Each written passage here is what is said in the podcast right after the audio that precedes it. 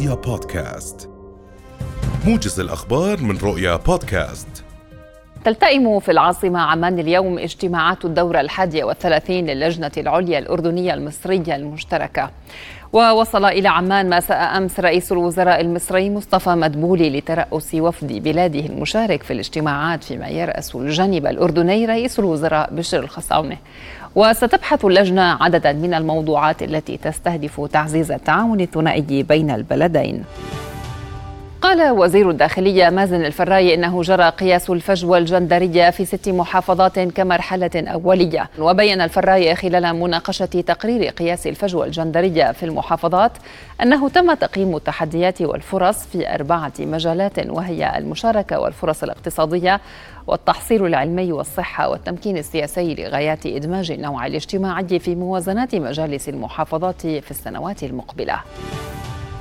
أكد الناطق الإعلامي باسم وزارة التنمية الاجتماعية أشرف خريس أن الهدف من توحيد المنصات الحكومية الإقراضية التسهيل على المواطنين لانتقاء التمويل المناسب لمشاريعهم.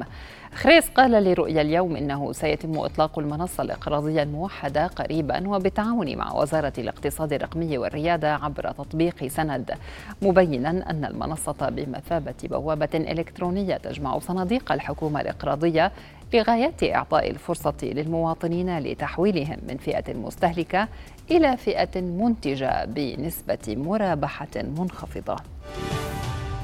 قال نقيب الصيادلة الدكتور محمد العبابنة إن النقابة منعت المؤسسات الصيدلانية من عقد اتفاقيات مع أي جهة تروج لصرف وتوصيل الدواء دون الحصول على موافقة مسبقة من مجلس النقابة.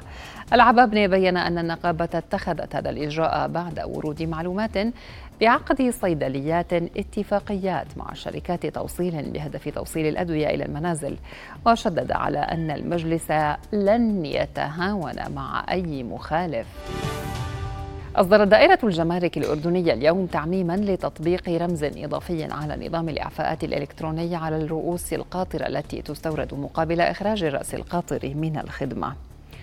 ويأتي هذا التعميم الذي أصدرته الدائرة تنفيذا لقرار مجلس الوزراء الذي يهدف إلى إعفاء الشاحنات المفترض استيرادها للأفراد والشركات لغاية التحديث الاستبدالي من الضريبة العامة على المبيعات المفروضة لهذه الغاية بنسبة 16% وتسري الإعفاءات لمدة سنة واحدة اعتبارا من تاريخ صدور القرار على أن تمنح الشركات سنة إضافية بعد هذه السنة للاستفادة منه.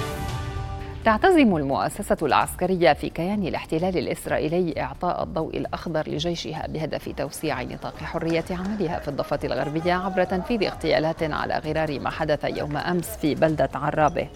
وسائل إعلام عبرية نقلت عن مسؤولين عسكريين أن عملية الاغتيال التي استشهد فيها ثلاثة شبان كانت البداية فقط وأضافوا أن ما حدث لمجموعة عرين الأسود في نابلس سيتم تكراره ضد المقاومين في جنين.